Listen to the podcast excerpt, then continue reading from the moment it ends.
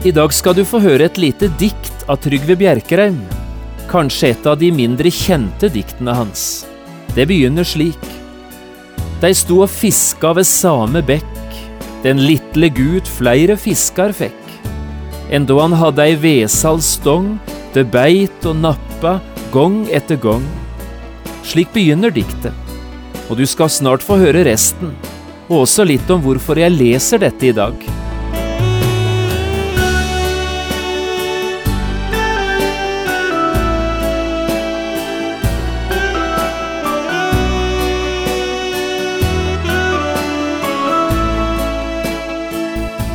Hjertelig velkommen til et nytt program i serien Vindu mot livet. Programmet er produsert av Kristen Riksradio og blir ledet av Jon Hardang. Kristen Riksradio drives av frivillige gaver. Vi er glade for din støtte.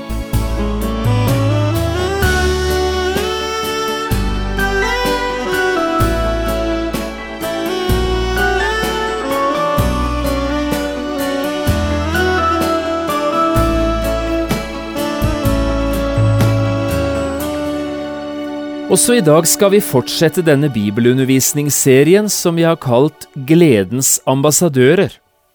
I tolv program skal vi åpne apostlenes gjerninger i Bibelen og løfte fram en del av de personene som Gud brukte i den første kristne tid til virkelig å spre evangeliet om Jesus.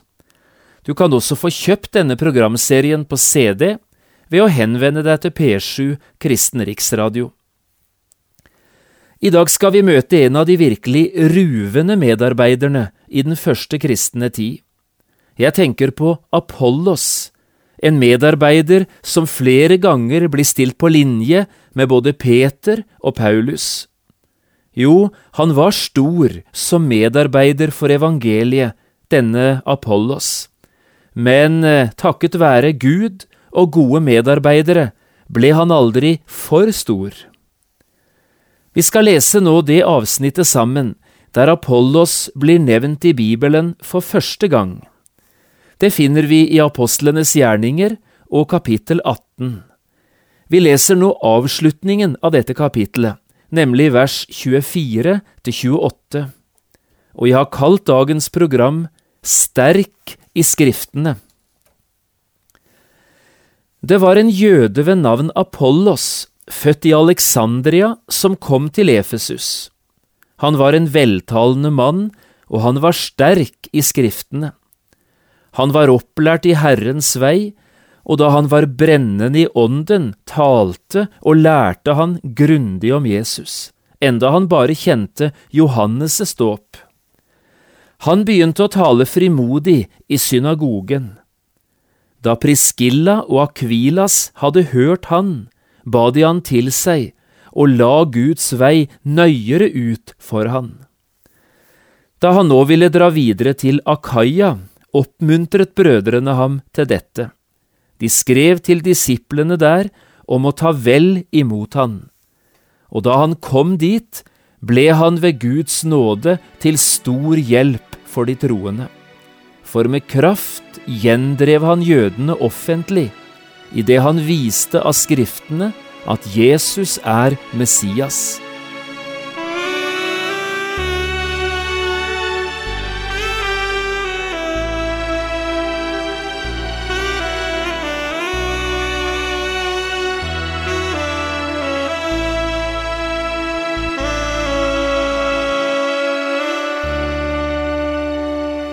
I dag har jeg lyst til å begynne med å lese et dikt av Trygve Bjerkreim.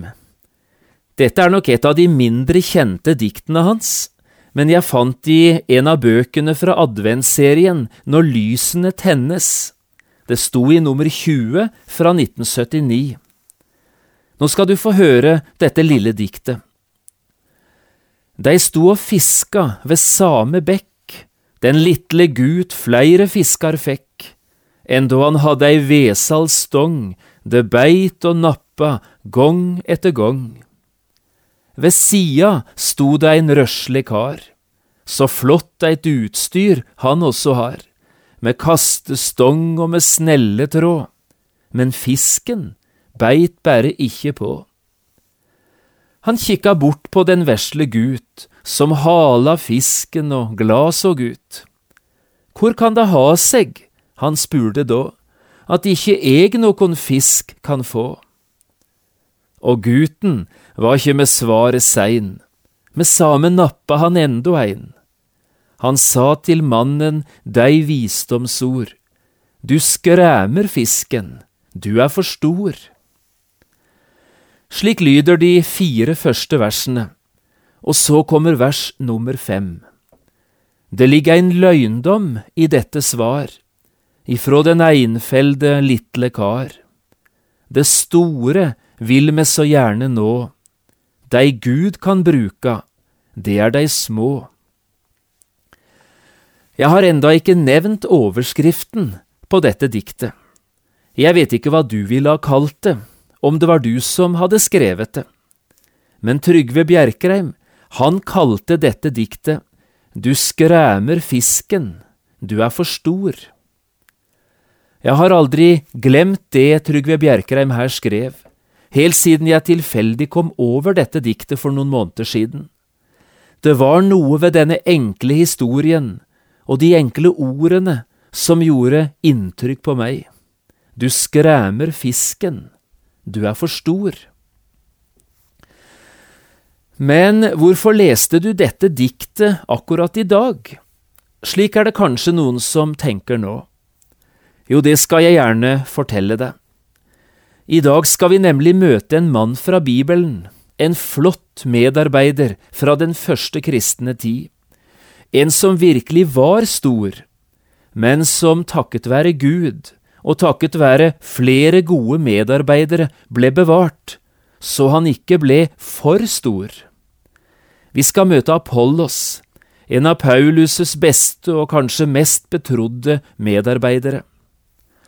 Og var det noen blant gledens ambassadører som hadde forutsetninger for virkelig å bli stor, ja, så var det Apollos.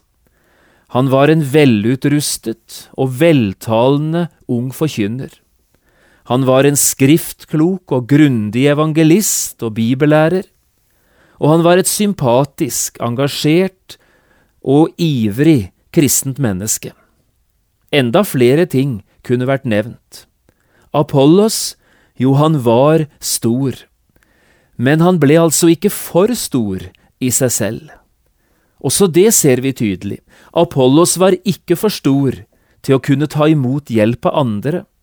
Han var ikke for stor til å stå ved siden av andre medarbeidere, av og til også i skyggen av dem. Og han var stor nok til ikke å benytte tendensene til persondyrkelse, som også han ble utsatt for, som en anledning til egen usunn vinning.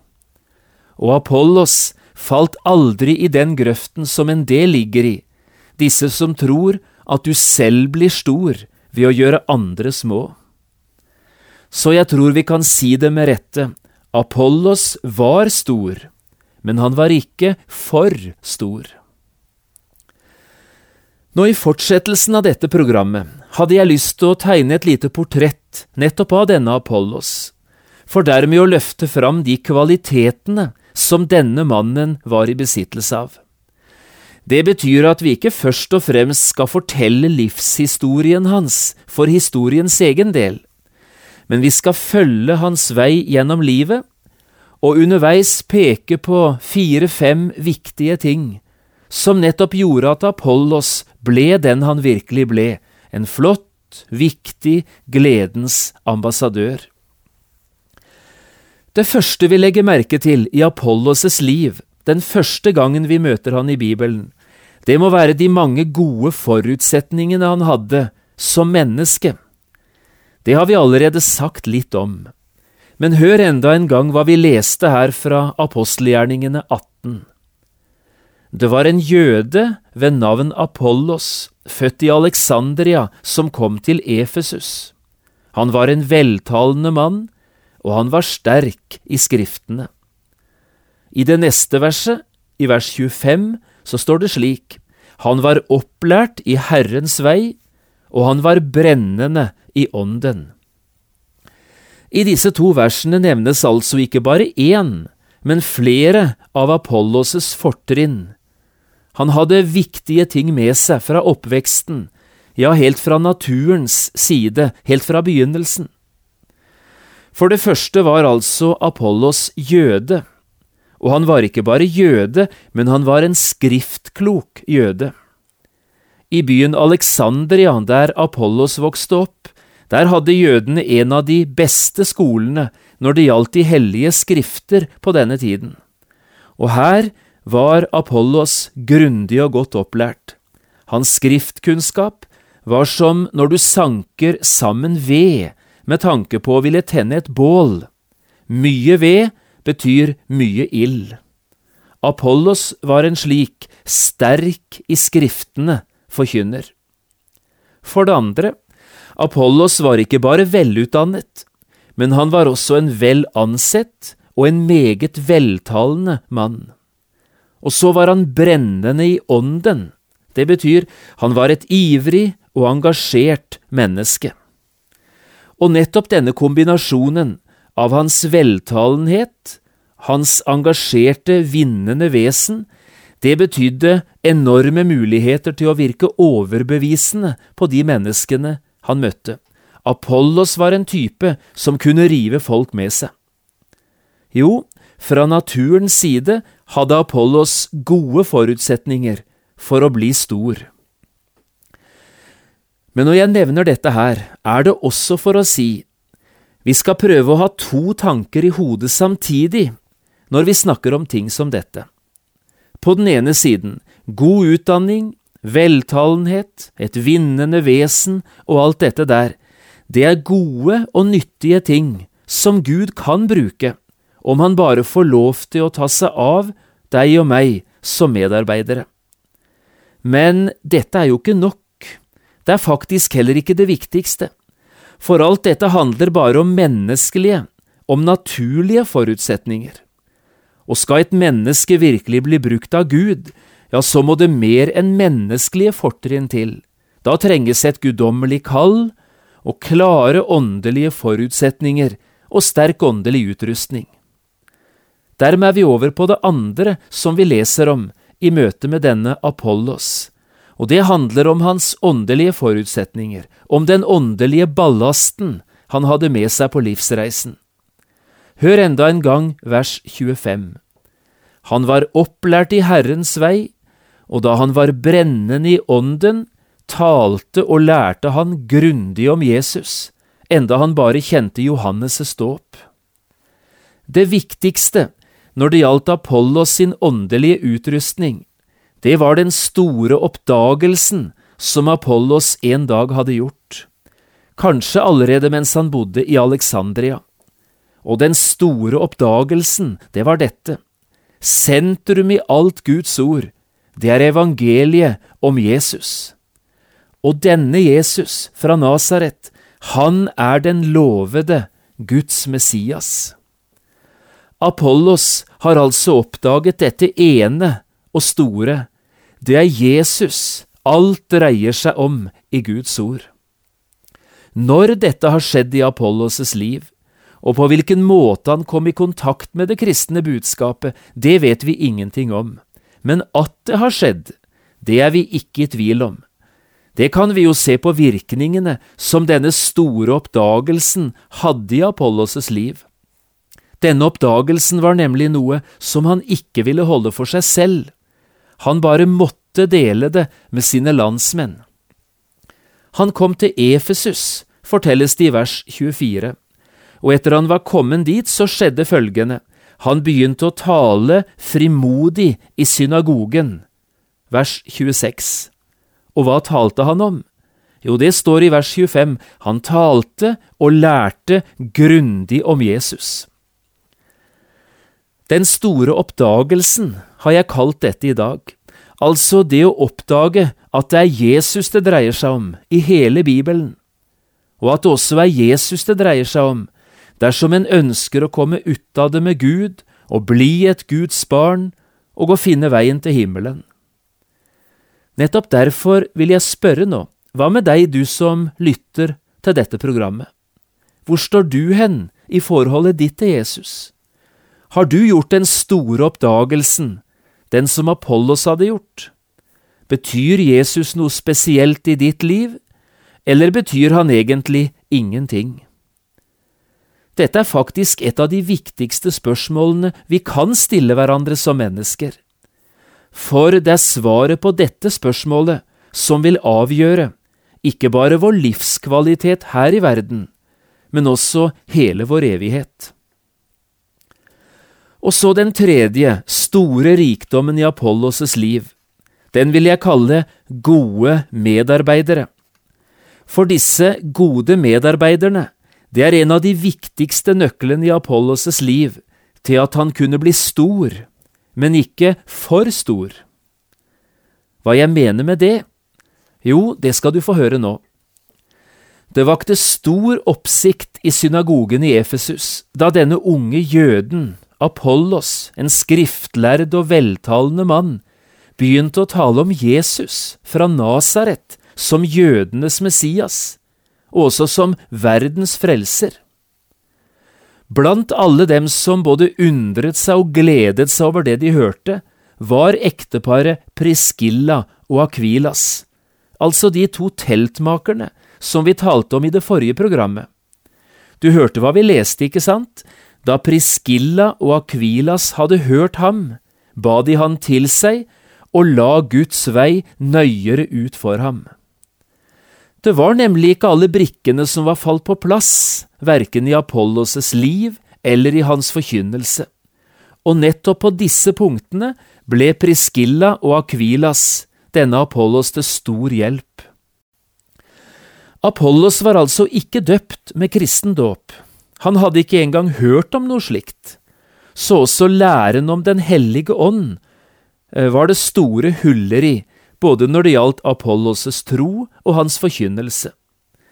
Men disse to kloke veilederne, Priskilla og Akvilas, de slo ikke hånden av den unge mannen for det. De ba han ikke reise hjem igjen til Alexandria og ikke vise seg mer på en talestol før hele dogmatikken var i orden. Tvert imot, de ga han tillit og tid og gode muligheter til å komme videre. Her tror jeg den viktigste forklaringen ligger til at også Apollos selv som forkynner blir beskrevet på denne måten, den som vanner. Paulus plantet, står det i første Korinterbrev. Apollos vannet, og Gud ga vekst. Det må bety det var Apollos som tok hånd om alle de nye kristne, disse små, svake spirene. Det var han som ga dem tid, stelte godt med dem og lot dem få vokse opp i trygge og gode omgivelser. Han viste ekte og inderlig omsorg for de som var nye på veien. Ellers blir jo Apollos en av Paulus sine viktigste medarbeidere. Nå hadde han riktignok forlatt Efesus da Paulus litt senere på året kom dit. Apollos var dratt til Korint, oppmuntrede det av menighetslederen i Efesus. Men senere kommer Apollos tilbake til Efesus, og her blir han viktig som medarbeider for Paulus når det gjaldt arbeidet både i Efesus og byene rundt omkring. Ellers er Apollos ønsket tilbake til Korint, og Paulus oppmuntrer han til å dra, uten at Apollos selv helt hadde ro for å reise. Og så endelig, åtte år senere, møter vi noen få ord om Apollos i Paulus' brev til Titus. Nå har den unge medarbeideren vært på Kreta og forkynt evangeliet der, og er i ferd med igjen å skulle forlate øya. Det er så den siste gangen vi finner spor i Bibelen etter Apollos. Men i sum, vi forstår han var en aktiv, trofast og stabil forkynner, som ble til glede både for de kristne menighetene og til stor nytte for de andre medarbeiderne, de andre gledens ambassadører, som han hele tiden sto i samarbeid med. Og så en ting til, helt til slutt. Apollos ser ut til å ha blitt gjenstand for en viss persondyrkelse. I begynnelsen av første Korinterbrev finner vi ord som dette. Hør hva Paulus skriver. Av Kloes folk er det blitt meg fortalt om dere, mine brødre, at det er stridigheter blant dere. Jeg sikter til dette at hver av dere sier, Jeg holder meg til Paulus, jeg til Apollos, jeg til Kefas, jeg til Kristus. Slik står det i kapittel 1, og i kapittel 3 i det samme brevet, der kan vi lese disse ordene. Når det er misunnelse og strid blant dere, er dere ikke da kjødelige og vandrer på menneskers vis? Når en sier Jeg holder meg til Paulus, og en annen Jeg holder meg til Apollos, er dere ikke da mennesker? Hva er Apollos, eller hva er Paulus? Tjenere som førte dere til troen, og det ettersom Herren ga enhver. Jeg plantet, Apollos vannet, men Gud ga vekst. Derfor er de ikke noe, verken den som planter eller den som vanner, men bare Gud, som gir vekst. Nå virker det nok som om dette var et menighetsproblem i Korint, mer enn en problematikk der Apollos selv var part i striden. Paulus har i alle fall aldri ett vondt ord å si, verken om Apollos eller til han. Hele veien omtaler han Apollos som den trofaste og gode medarbeider. Men persondyrkelse er alltid farlig, og at Apollos med sine mange glitrende egenskaper lett kunne knytte folk til sin egen person, det forstår vi godt. Og persondyrkelse føder etter hvert alltid tvillingparet misunnelse og strid, og det er nettopp det vi hører om fra Korint. Men igjen, Apollos var stor nok til ikke å utnytte disse tingene. Og jeg tenker, tenk om alle ledere og alle forkynnere i dag hadde vært like klare på det punktet som Apollos var. Tenk hvor mye vi hadde vært spart for av misunnelse og strid, av baktalelse og personkonflikter.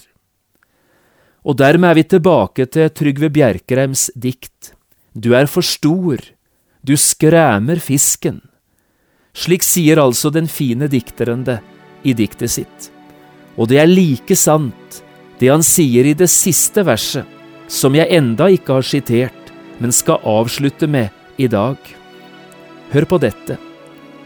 Den som er liten, til nåde treng. Den Herre Krist inn til hånom gjeng. Ei elv av signing fra hånom vel, fra tidlig morgon til livsens kveld. Akkurat det fikk Apollos virkelig oppleve, og det samme kan du og jeg få oppleve i dag.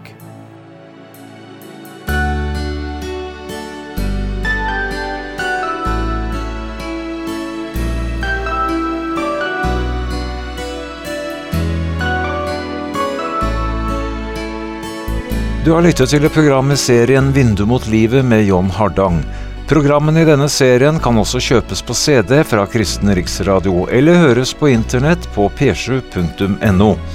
Har du spørsmål eller kommentarer til det du nå har hørt, kan du ta kontakt med oss. Adressen er Kristen Riksradio, Skiene 2, 5353 Straume, eller send en e-post vml alfakrøll p7.no. Takk for i dag, og på gjenhør.